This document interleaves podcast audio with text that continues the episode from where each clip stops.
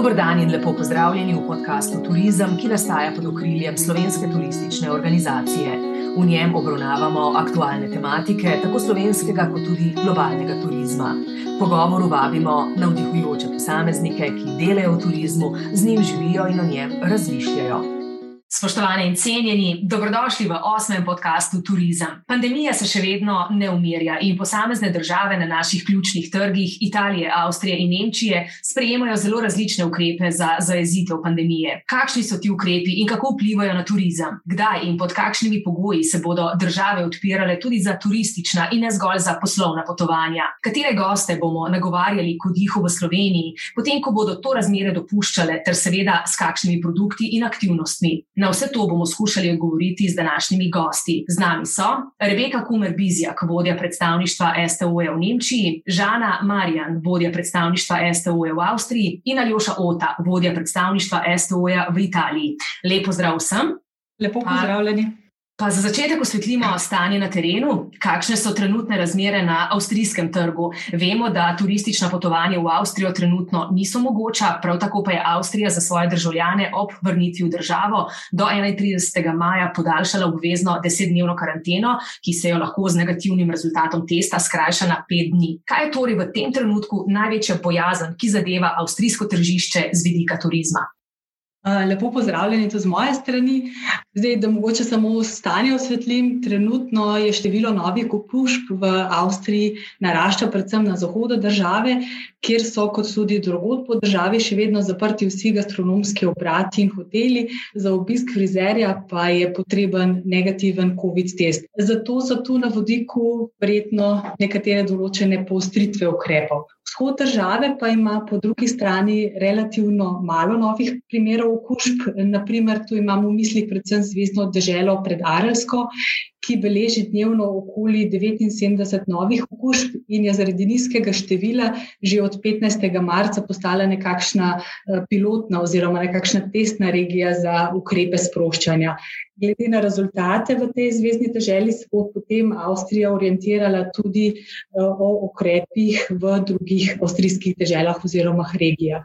To pa zdaj konkretno za predarljsko pomeni, da od 15. marca je tam gastronomija v celoti odprta, da so dovoljene športne aktivnosti za mlade, tudi prireditve in zbiranja oziroma srečevanja posameznih skupin za samo pomoč. Omejitev gibanja med 20. in 6. uro zjutraj pa ostaja tako kot tudi za drugod po državi, eh, se pravi, eh, je to še zmeri omejeno.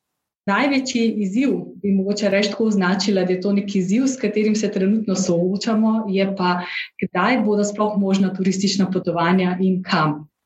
Avstrijci, to je dejstvo, si neizmerno želijo potovanja, kratkega vikenda oddiha, ampak trenutno ni znan noben konkreten datum, kdaj se bo trg za potovanja turistov začel odpirati. Um, Avstrija si seveda tega zelo želi, tudi avstrijska vlada vedno znova podarja, da si želijo odpiranja. Tu je predvsem podarek na severni sosedi, Nemčiji. Nemci so namreč v letih pred korono ustvarili več kot 56 milijonov nočitev letno, kar predstavlja nekje 52 uh, samo v poletni sezoni. Uh, meseci april, maj, pa tudi delno juni so Namreč tisti, ko nemško govoriče države, med njimi seveda tudi Avstrija, eh, beležijo največ crkvenih praznikov in tako že tradicionalno odpirajo sezono potovanj.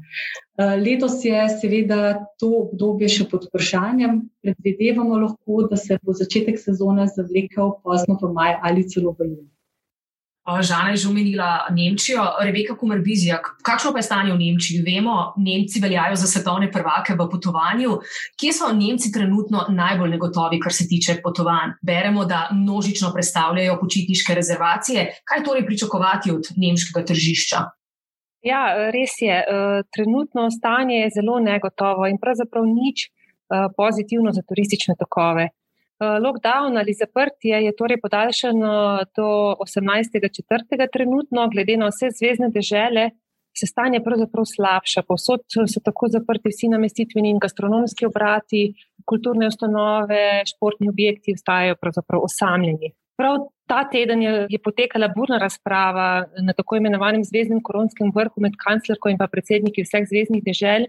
In sicer predvsem na temo počitnic čez velikonočne praznike. Torej, to je bila pravzaprav osrednja tema. Uh, sprostitev, zato žal niso predvideli. Uh, za vstop v državo veljajo še vedno strogi ukrepi, uh, glede na pravzaprav na listu tveganosti države vstopa. Še vedno obstajajo trije seznami teh rizičnih območij, odkudar je poratek ali vstop v državo zelo težen. Predvsem iz držav iz virusno teh mutacijskih predelov in pa visoko rizičnih področji, med katere žal spada tudi Slovenija. Moram reči, da je težen vstop nazaj v. V Nemčijo iz skoraj vseh držav Evropske unije. Torej, ne gre brez testa in pa posledično tudi karantene iz regij, ki so navedene kot uh, rizične. Ja, žal, stanje pravzaprav res ni rožnato. Mhm. Kako pa se bodo nemški organizatori potovanj in letalski prevozniki svojo ponudbo v bodoče prilagodili posameznim destinacijam? Pravzaprav te omejitve potovanj v Nemčiji so sprva eh, omejene, kot sem rekla, na 18. april in samo strah trenutno ni zadosten razlog za umik rezervacije. Kako se bo nadaljevalo, je odvisno od stanja okužb in pa seveda ponovnih ukrepov oziroma podaljševanja tega lockdowna in pa seveda celotne uh, epidemije razvoja na počitniških destinacijah. To je izjemnega pomena. Uh, kar je zanimivo, je to, da se organizatori potovanj in pač letalski prevozniki se zelo hitro pač prilagajajo. Tako je, naprimer, ko je v tem tednu, oziroma prejšnjem tednu, inštitut Robert Koch destinacije pravzaprav iz dobrih epidemioloških razmer umaknil iz območij, rizičnih območij takoj prilagodijo ponudbo. V prejšnjem tednu je bil dokaj velik naval torej in popraševanje tudi realizaciji uh, rezervacij na Hrvaško Istro in pa popularne baljarske otoke, predvsem na otok Majorko. Ta področja so namreč trenutno tretirana kot varna zaradi nizke incidence.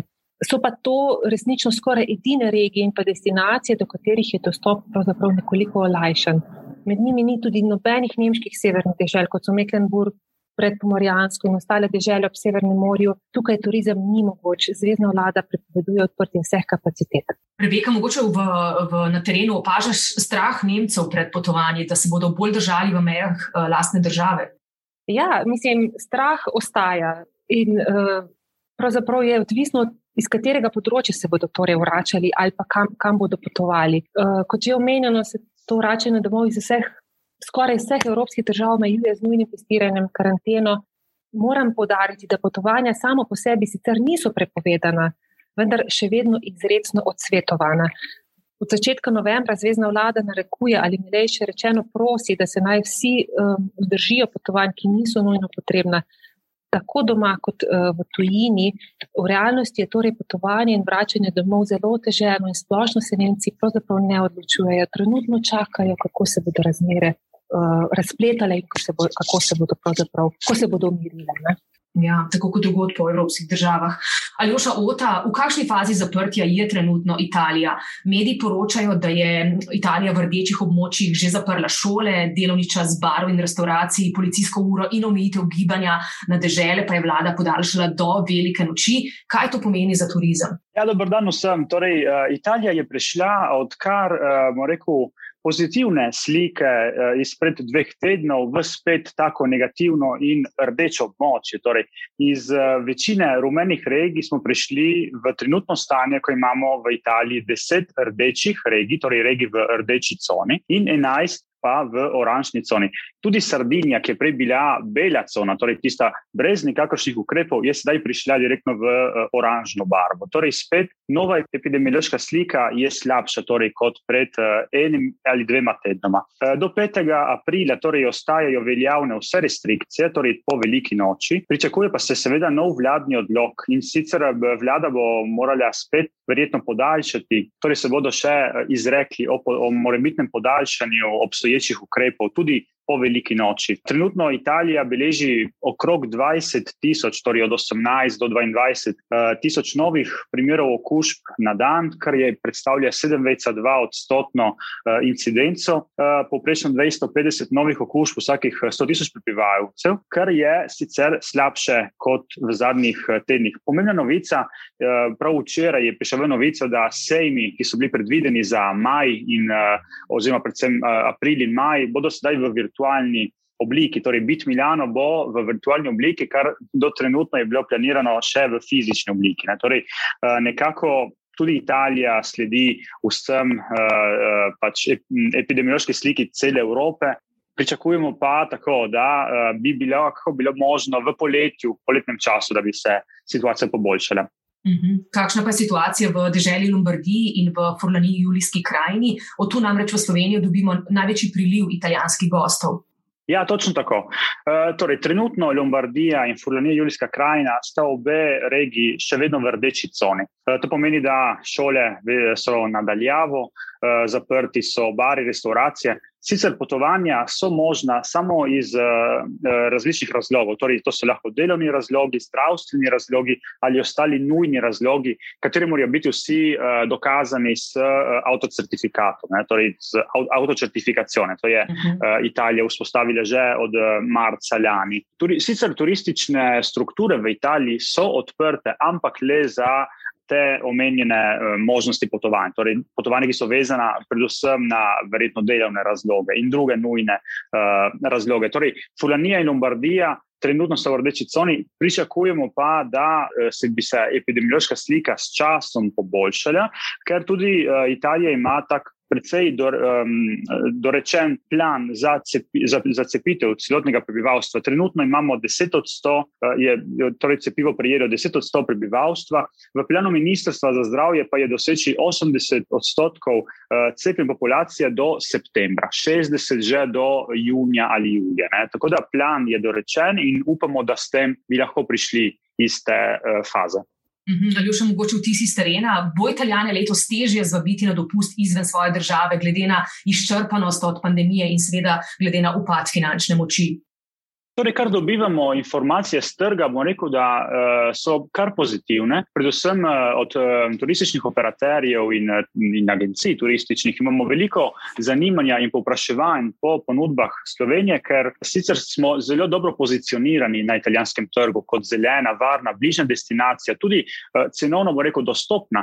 To pomeni, da uh, zanimanje je tudi iz splošne publike, dobivamo kar precej klicev. Jaz mislim, da bomo na, na, na tej poti nadaljevali in bomo skušali biti ena od destinacij, za katere italijani bodo lahko izbrali v poletnem času. Sicer, kot smo tudi videli v lanskem letu, je delež uh, italijanov, ki je potoval v tujino, znatno se znižal. Torej, uh, približno 70 odstotkov italijanov opravi svoje počitnice v Italiji, ostalo pa so bili potniki, ki so izbrali uh, tujino. Ta podatek se je znatno znižal torej v letu 2020 in tukaj upamo, da eh, bi se morda v letošnjem letu ta podatek poboljšal. Žana Marjan, s kakšnimi paketi, produkti in aktivnostmi boste na avstrijskem tržišču nagovarjali goste v prihodnjih mesecih?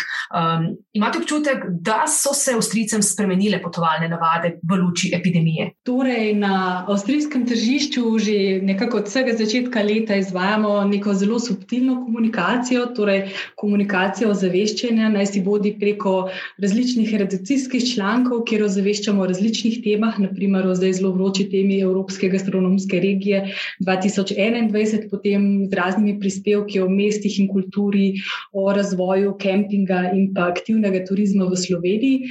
V mesecu marcu in pa tudi v aprilu smo prisotni z zelo enim simpatičnim promocijskim videom na vseh digitalnih skrinih v izložbenih oknih avstrijskih turističnih agencij in tako vzbujamo željo po potovanju pri Avstrijcih pravzaprav že se pravi od začetka leta.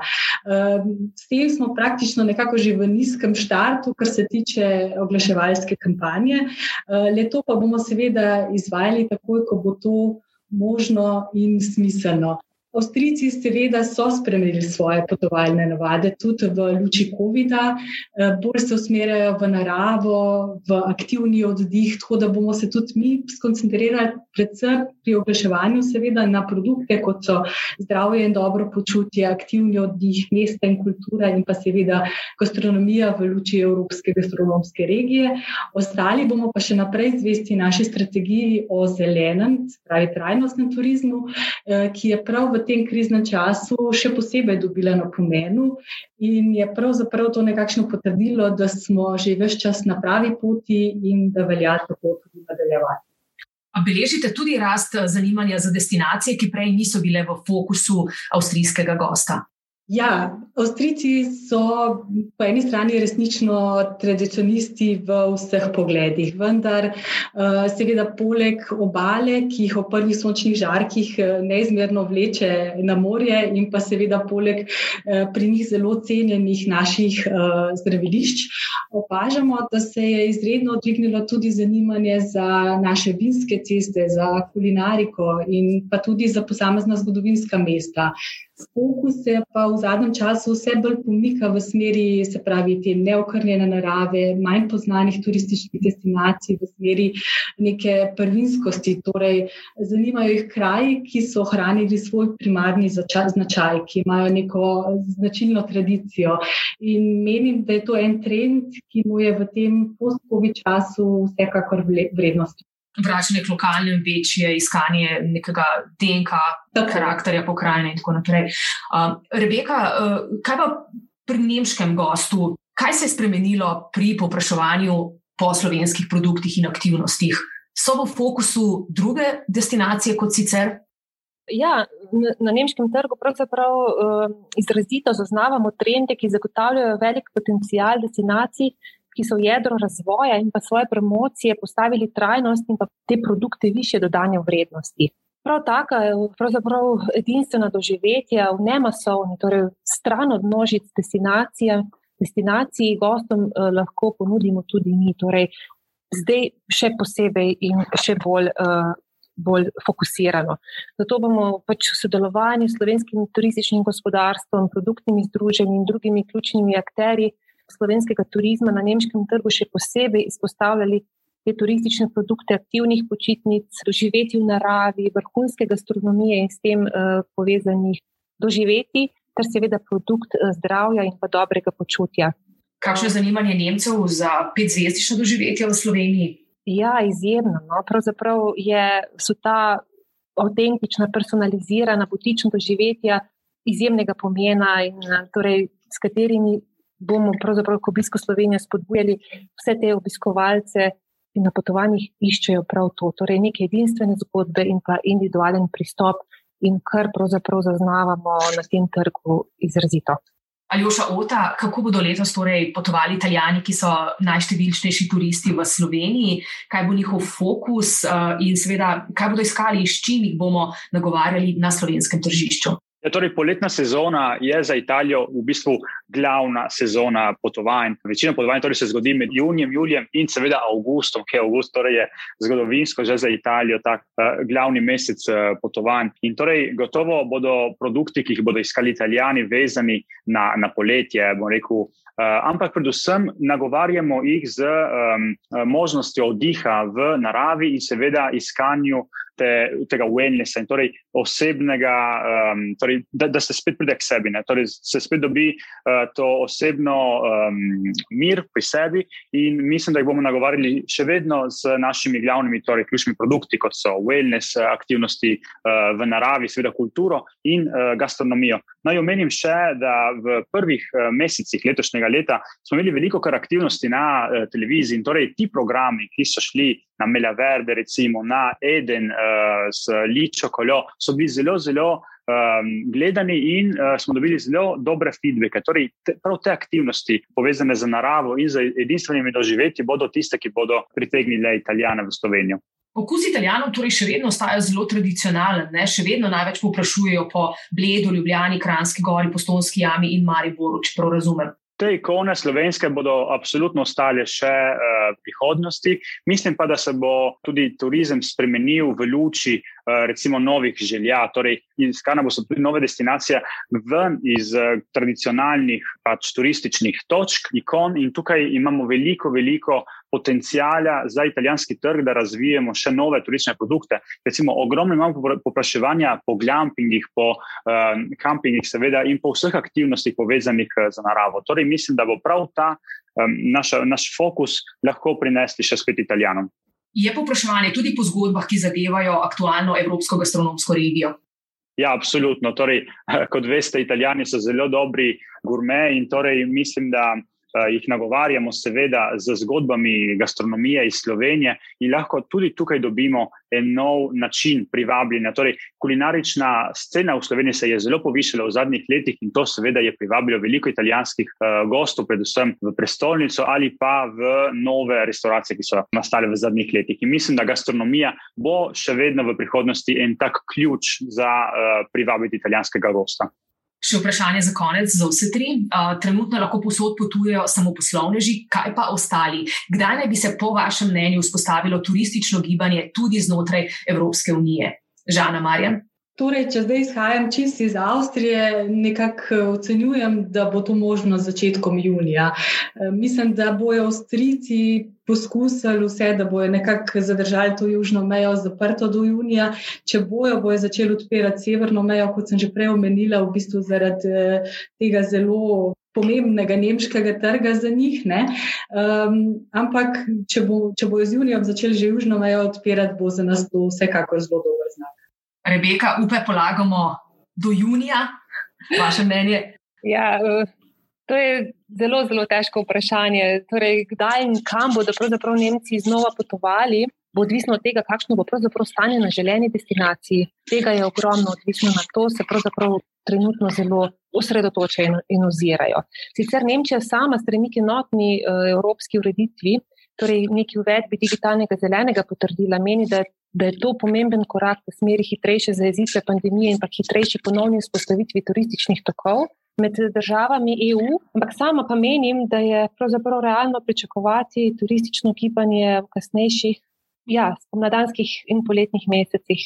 Tudi jeseni, seveda. Uh mhm. -huh. Aljoša, je tudi pri Italijanih velika negotovost glede um, nuje, najverjetnejše nuje cepilnih knjižic, obveznosti testiranja in, in karanten? Ja, torej, jaz tudi mislim, da za Italijo pred dvema tednoma verjetno bi odgovoril na to vprašanje, da bodo Italijani potovali lahko že maja. Sedaj pa mislim, da se bo ta, ta čas podaljšal. Jaz eh ocenjujem tako v juni, verjetno, veliko bo odvisno od cepljenja populacije. Torej, plan v Italiji je dorečen, eh, z novo vlado Italija tudi. Je veliko, veliko vlagala in uložila v um, vzpostavitev torej cepljenja populacije, in tako verjetno lahko pričakujemo Italijane tako maja, junija, definitivno pa poleti. Držimo pesti. Hvala vsem trem za pogovor. Vsi torej upamo na pozitiven scenarij, da bo pandemija oslabela, na čim daljšo sezono upamo in seveda na boljše rezultate od leta 2020. Hvala lepa vsem za pogovor. To je bila osma epizoda podcasta Turizem, ki je namenjen vsem, ki turizem delate, živite in ustvarjate. Vabimo vas k deljenju epizode in poslušanju podcasta tudi prihodnji teden. Srečno!